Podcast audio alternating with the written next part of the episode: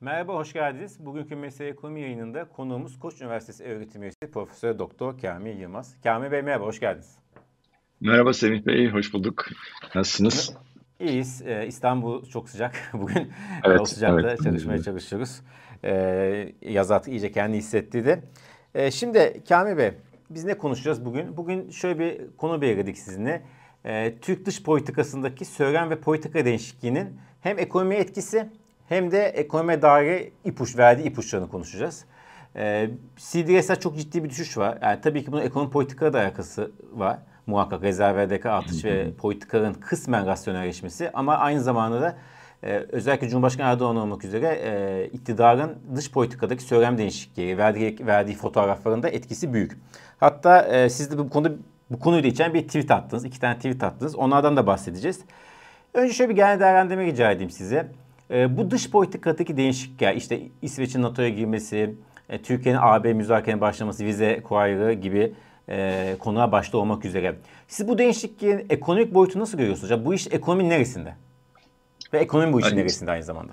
Ta, tabii isterseniz önce yani bu İsveç konusundaki hızlı dönüş belki de yeni bakan e, Dışişleri Bakanı Sayın Fidan'ın e, bir farklı bir yaklaşımı olduğunu düşünüyorum. Cumhurbaşkanı'nı bir ölçüde farklı hızlı bu dönüşü yapıp AB üyeliğini gündeme taşımak ve AB ile ilişkileri ısındırmak ve aynı şekilde de Amerika ile de biraz soğumuş olan ilişkileri daha da yumuşatmak amacı olduğunu düşünüyorum. Bu bir Hakan Fidan'ın imzası da olabilir arkasında. O anlamda çok olumlu bir gelişme elbette ki. Ama şunu biliyoruz tabii İsveç konusunda verilen e, bu onay e, şey anlamına gelmiyor. AB üyeliğimiz hemen e, çantada keklik.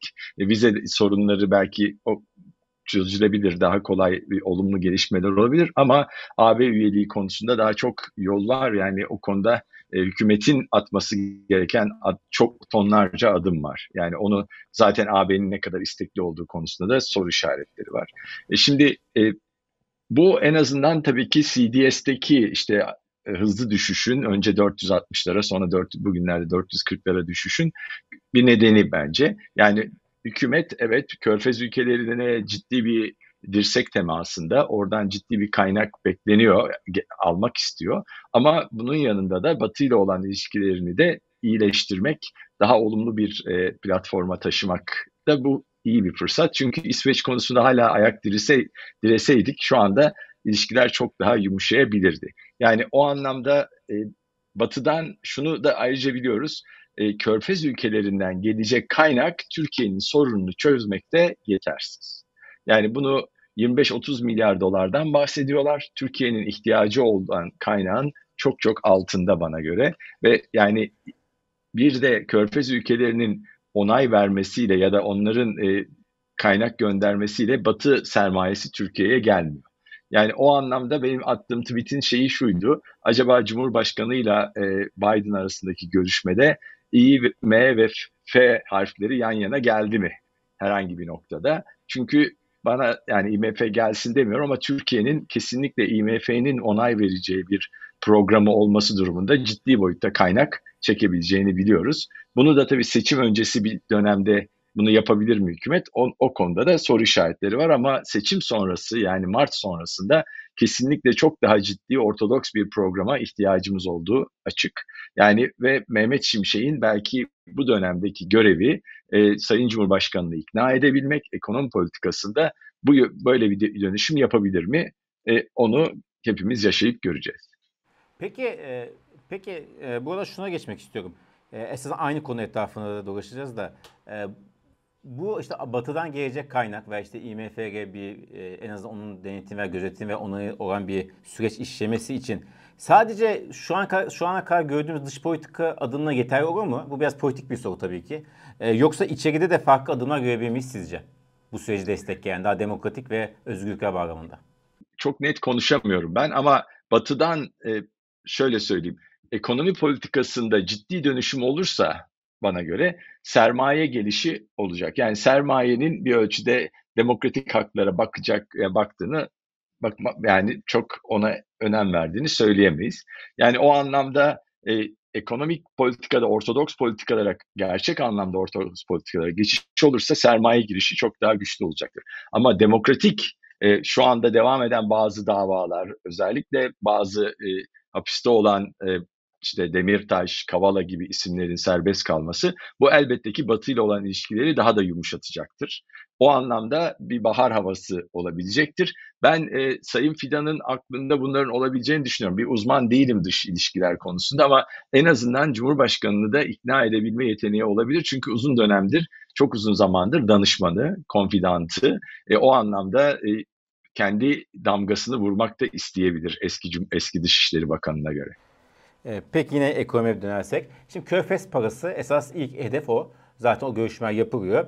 Seçime kadar en azından Körfez parası. Seçimden sonra biraz daha hani daha yapısal adımların, ekonomide yapısal adımların atılması ve yani biraz da acı reçete, acı fatura veya işte ma- işin maliyetine katlanılması için toplumsal olarak e, Amerika veya işte Batı kaynaklarının da seçimden sonra daha hani uzun orta vadede en azından Türkiye giriş yapması. Böyle bir takvim olabilir mi hükümetin e, ajandasında? Yani olabilir, olabilir ama orada e, şu benim light orthodox diye adlandırdığım ve sadece 650 bas puanla ilk aşamada gördüğümüz faiz artışının güçlenerek devam etmesi lazım. Yani en azından ikinci faiz artışında Mehmet Şimşek'in biraz daha güçlü adım at, atabilmesi lazım. Yani 25'lere çıkabilmesi lazım ki öyle bir yere çıkarsa o zaman piyasalara olumlu bir sinyal verecek. Bir taraftan da körfez ülkelerden gelecek sermaye girişi ve kurdaki artışın önüne geçecek. Yani yoksa eğer yine bir cılız bir faiz artışı bize 26'lardan yukarı doğru harekete devam yani yazdan kaynaklanan cari dengeyle ilgili sıkıntımız az da olsa bu tarafta kurda baskının devam edeceği anlamına geliyor. Çünkü şunu biliyoruz artık enflasyon beklentileri geçen ay sonunda %30'lardaydı. E, bir yıl sonrası için beklenti. Şu anda bir yıl sonrası için %30'u beklemek e, çok mümkün değil. Yıl sonu için 50-55'ler Tabii bu TÜİK rakamlarıyla bahsediyorum ben. Resmi rakamlar, ona ne kadar güvendiğimiz ayrı bir soru. 50-55'ler bekleniyor şu anda. Yani böyle bir durumda sizin daha güçlü adımlar atabilmeniz lazım kurta, e, faiz tarafında. Yoksa kuru tutamazsınız. O zaman seçime kadar da körfez parası da yeterli olmayacaktır. Yani bir ölçüde şöyle diyebiliriz. Seçime kadar e, ortodoks politikaya yakın ama çok sıkılaştırmadan dikkat ederseniz Cevdet Yılmaz da söyledi. Resesyona girmeden. Yani o önemli. Yani mesela ilk yarıda yüzde dört üzerinde bir büyüme varsa ikinci yarıda bunu yüzde üç civarında çekebilmek, ekonomiyi ciddi darboğaza sokmadan o zaman hükümet hem istediğini alıyor. Yani nedir? Seçime giderken ekonomiyi daraltmadan ama e, öbür tarafta da cari e, ödemeler dengesi tarafında bir kriz yaşamadan seçime gidiyor. Enflasyon bu arada tabii ki biliyoruz enflasyon bir ölçü seneye artık e, kalan bir konu bana göre. Evet. Orada da hedefimiz tek hane enflasyon e, deniyor ama e, şu an için daha o noktanın çok uzağındayız. Peki izleyici kafasında netleşmesi için şunu sormak istiyorum. Şimdi Körfez parası ve Batı parası, Amerika parası neyse. E, bu arasında fark nedir? Yani e, Körfez parası ne olunca geri veya gereken neye bakar? Batı parası gereken neye bakar? Bu nasıl bir iki farklı fon veya işte paradan bahsediyoruz? Yani bir buradaki konu Körfez parası e, bir ölçüde ilişkilerle iler bir gelecek olan bir para. Ama e, Batı parası gerçek anlamda politikaların, ortodoks politikaların devreye girmesiyle gelecek bir para. Her ne son yıllara baktığımızda sermaye girişlerinde ne oldu? Yatırımcıların ağzı sütten birkaç kez yandı Türkiye'de. Yani Türkiye'de ciddi boyutta zarar yazdılar. Ama bunun da ötesinde politikalar tamamen keyfi politikalardan kaynaklanan nedenlerle Türkiye'nin uzun vadede görünümünü hiç olumlu görmüyorlar. E, ama Körfez ülkeleri bunu bu şekilde görmüyor. Ama dikkat ederseniz Körfez'le ilgili haberler de ne üzerinde duruyor? Ağırlıklı olarak burada bir e, satın almalardan bahsediliyor. Yani bizim değerli şirketlerimizin satılması gibi. Yani arada böyle bir fark var. Onlar da bize gelip ya işte hisse alalım değil, işte Türkiye'nin değerli şirketlerine yatırım yapmak e, gibi bir seçenekleri var. E, batıdan gelen paranın böyle bir derdi yok. Yani onlar sen doğru politikaları uygularsan ben gelip e, işte her türlü portföy yatırımlarını yapıp hem ben kazanırım hem de senin e, krize girmeden ekonominin ekonomi politikalarını sürdürebilirsin mesajı var. Yani ikisi arasında tabii bunun yanında IMF, e, IMF'nin desteklediği ya da IMF'nin onay verdiği bir program olursa o çok çok güçlü olur ama Sayın Cumhurbaşkanı defalarca söyledi. Yani bu can bu bedende olduğu süreci dedi. Bunu beklemeyin benden. O anlamda Sayın Cumhurbaşkanı'nın sözünü dinlememiz lazım ve orada benim elbette ki çok güçlü bir kaynak yani IMF ile ciddi bir program yapılmasının ötesinde belki IMF ekonomistleri gelir e yine bu işte Türkiye ekonomisi üzerine bir değerlendirme yapıp bu değerlendirme Türkiye doğru yolda gidiyordur e, bir e, değerlendirmesi olur. O değerlendirme sonucunda da belki batıdan sermaye girişi güçlenebilir. Yoksa IMF ile bir program yapmaktan ben bahsetmiyorum şu anda. Ya, İsveç konusunda da Cumhurbaşkanı Erdoğan çok sert hatta bugün sosyal medyada çok döndü. Çok sert cümleye vardı. Hatta işte Yunanistan'la ilgili biliyorsunuz onu da görmüşsünüz. Onlar orada çok sert sözleri vardı. Yani gerektiğinde o dönüşü yapabiliyor. O manevrayı yapıyor. Yani belki IMF konusunda yapabiliyor. Yok ben Yani ben oradaki kesinlikle haklısınız. Yani Cumhurbaşkanının öyle bir özelliği var. 20 yıldır sonuçta siyasette olduğu için artık kim ya ben şeyi tweet gördüğüm zaman işte Cumhurbaşkanı dün bunu demişti, bugün bunu dedi. Hiç tutar yok. Artık buna bakmak mantıklı değil. Yani bence çok e, şu anda Türkiye politikasında ben istediğim zaman istediğim dönüşü yaparım ve bu da tutarlıdır. O gün yani e, dün dündür, bugün bugündür yani Demirel'in yaklaşımıyla. O anlamda Nas konusu biraz daha farklı geliyor bana. Nas konusu biliyorsunuz o bir dini bir şey. itikattan bahsediyoruz. Orada anca ekonominin çok da, ciddi dar boğaza girmesi koşuluyla Nas'tan belki taviz verilebilir gibi gözüküyor. Onun dışında tabii ki e, yani e, elbette ki hiçbir konuda taviz vermeyecek anlamına gelmiyor bu. Ama şu anda körfez parasıyla bir ölçüde durumu kurtarabilirlerse ondan sonra ortodoks politikalara dönüş, IMF'nin adı geçmeden belki e, ortodoksa yakın e, bir politikalara dönüş yabancı sermayeyi çekebilir Türkiye'ye. Burada artık bütçe kısmına geçmeden burada en önemli bakacağımız e, şey orta vade plan mı olacak? Cevdet Yılmaz Cumhurbaşkanı yardımcısına işaret ettiği. Orada mı anlarız biz bu işin neye gideceğini?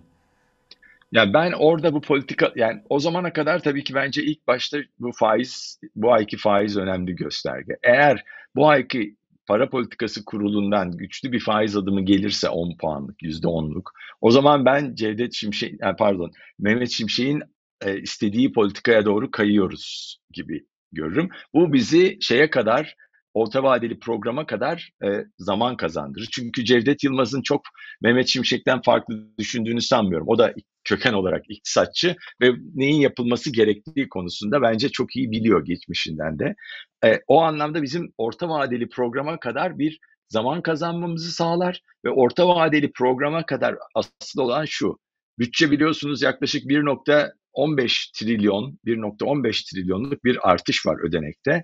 Ama bunun yeterli olmadığı kesin çünkü burada memur maaşlarına yapılan artış artı e, EYT'lere yapılacak ödemelerle ilgili bir kaynak aktarılmıyor. Yok. Yani bir de bunlar eklendiği zaman bütçe açığının bir buçuk trilyonları geçmesi mümkün. Yani yüzde işte 7 ila yüzde 9 arasında bir orandan bahsediliyor. Bunun önemli bir nedeni tabii ki e, deprem harcamaları var. Ama e, seçime giderken verilen popülist sözlerinde bir etkisi var.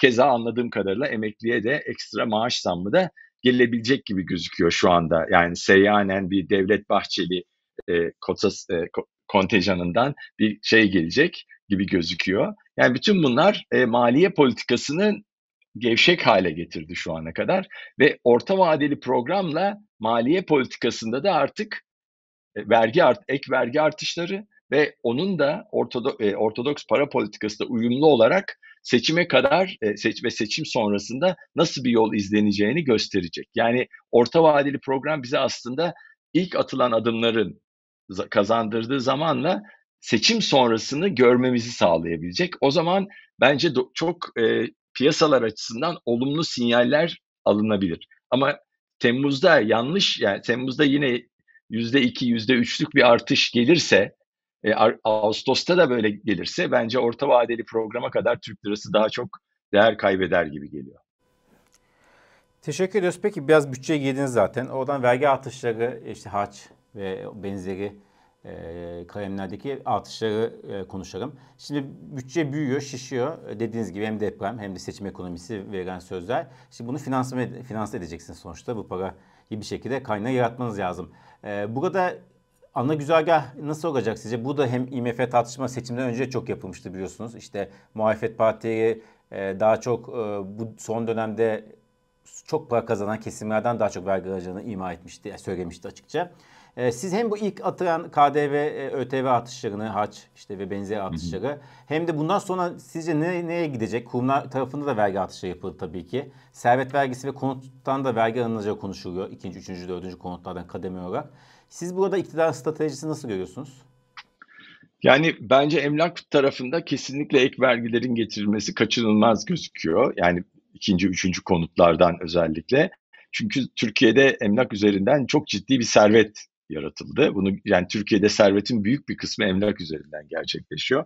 O anlamda hükümetin o adımı atıp atmayacağı burada çok önemli. Çünkü e, yani körfez sermayesinden bahsediyoruz ama yabancıların ev, ev alması da aslında bir yatırım baktığınızda. Bu gelecek ek vergiler de onları ne kadar e, uzaklaştırır yatırım yapmaktan onları görmek gerekiyor. E, detaylar önemli. Benim bir diğer bir nokta da biliyorsunuz bu özellikle vergi dilimlerinde ayarlama yapılsın diye bir talep var şu anda memurlardan ve diğer çalışan. Ben o ayarlamaların yapılmayacağını düşünüyorum. Yapılsa da daha düşük dilimlere yapılacak. Böylece daha alt gelir gruplarının bir üst gelir e, bir üst dilime çıkmayıp e, daha düşük vergi ödemesini ama üst gelir gruplarında yine daha yukarı çıkabilmelerine müsaade edecekler diye düşünüyorum. Yani enflasyon etkisiyle daha fazla vergi toplamak, gelir vergisi toplamak yolu.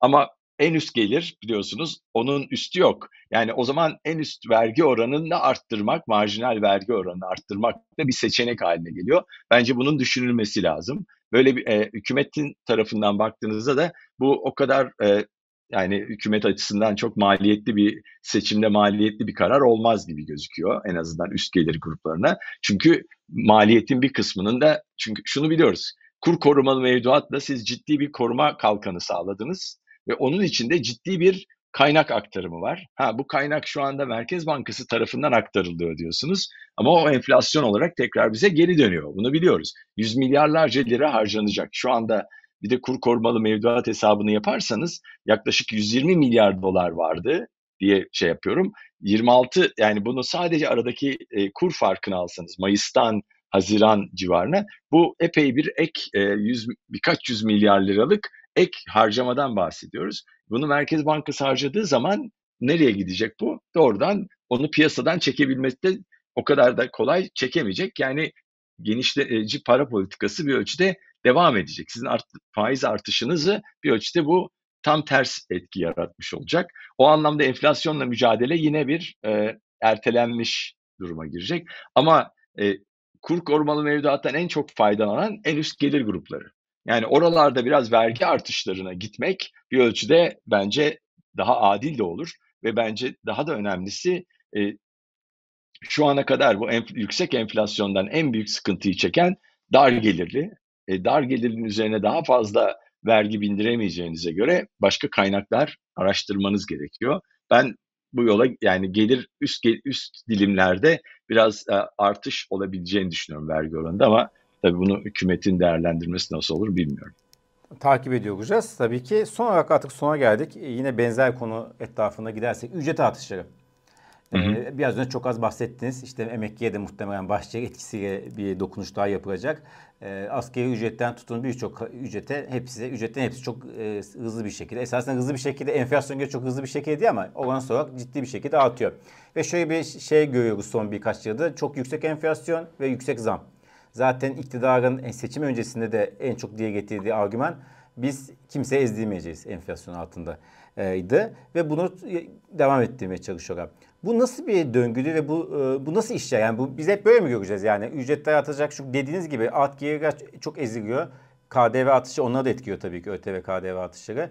Ee, onların ücretlerine zam yapmanın enflasyonist bir etkisi de var. Yok diyenler de var tabii bunu da not etmek lazım. Siz burada nasıl görüyorsunuz bu e, süreci? İşleyişi? Şimdi yani bir eğer e, TÜİK e, enflasyonla mücadele etmese TÜİK, Türkiye İstatistik Kurumu yani gerçek anlamda biz e, enflasyon verilerinde e, bir oynama olmadığını, resmi enflasyonun gerçek hayat pahalılığındaki artışını gösterdiğini kabul etsek bu e, maaş artışları, ücret artışları, emeklilerin artışları, maaş artışları yani yüzde 25 falan değil. Yani baktığınızda yüzde 30'un üstünde olması lazım ilk 6 ayda. Yani e, geçen sene keza aynı şekilde. Yani o anlamda hükümet memurumu, çalışanımı enflasyona ezdirmediğim, ezdirmeyeceğim demesine bir ölçüde çok da inanmamak lazım. Yani şimdi yüzde otuz verse belki me- emekli başa baş yapacak. Evet memur bu sefer biraz yüksek aldı. Seyyanen zamdan dolayı biraz gelir arttı. Ama geçen sene memur e, sıkıntıdaydı. Çünkü onlar anca var e, gerçek yani TÜİK'in enflasyon oranına yakın bir zam alabildi. Bir de tabii ki özel kesimde çalışan e, milyonlarca insan var. Onların alabildiği devlet kadar e, bol keseden verebilen bir e, iş dünyası yok. Onlar da belirli bir sınıra kadar verebiliyor. Böyle bir durumda ne görüyoruz? Gelir dağılımındaki bozulma çok daha hızlı artıyor. Ama şu da var, eğer gerçekten TÜİK e, gerçekleşen enflasyon verilerini yayınlasa ben bu hiper enflasyona giden yola gireriz diye düşünüyorum. Yani enflasyon, hayat pahalılığı artıyor. Siz bunu ücretlere birebir yansıtıyorsunuz. Ücretler arttıkça iş dünyası ne yapacak? Üretim maliyetleri artıyor. Onlar da yansıtacak aynı şeyi de. Sonra her seferinde yüzde on, yüzde yirmi, yüzde kırk, yüzde seksen böyle katlanarak devam edecek. Şimdi katlanmadan gidiyor. Neden? Çünkü gerçekleşen enflasyonla resmi enflasyon arasında bir fark var. Yani o anlamda hükümet bu süreci sürdürebiliyor. Ama e, yani gördüğümüz o ki seçimde de vatandaş bundan çok da rahatsız olduğu olmadığını mesajını vermiş oldu. E, uzun vade bunu sürdürmek mümkün değil. Buradaki konu bizim mutlaka ortodoks politikalara dönüp faizi de kullanmak, faiz silahını da kullanmak gerekecek. İç talebi daraltmadan da bunu gerçekleştirmemiz mümkün değil. Yani orada benim ne yazık ki naçizane görüşüm yine her zaman olduğu gibi dar gelirli çalışan kesimler burada en büyük sıkıntıyı çekecek. Yani seçim sonrası dönemde. Evet, o kaçınılmaz ne yazık ki. Tabii Mehmet Şimşek ilk göreve geldiğinde e, rasyonellikten ve şeffaflıktan bahsetmişti. İşte ortodoks politikaya dönmek için de herhalde Türkiye'nin normal bir e, çalışma sistemine dönmesi lazım değil mi?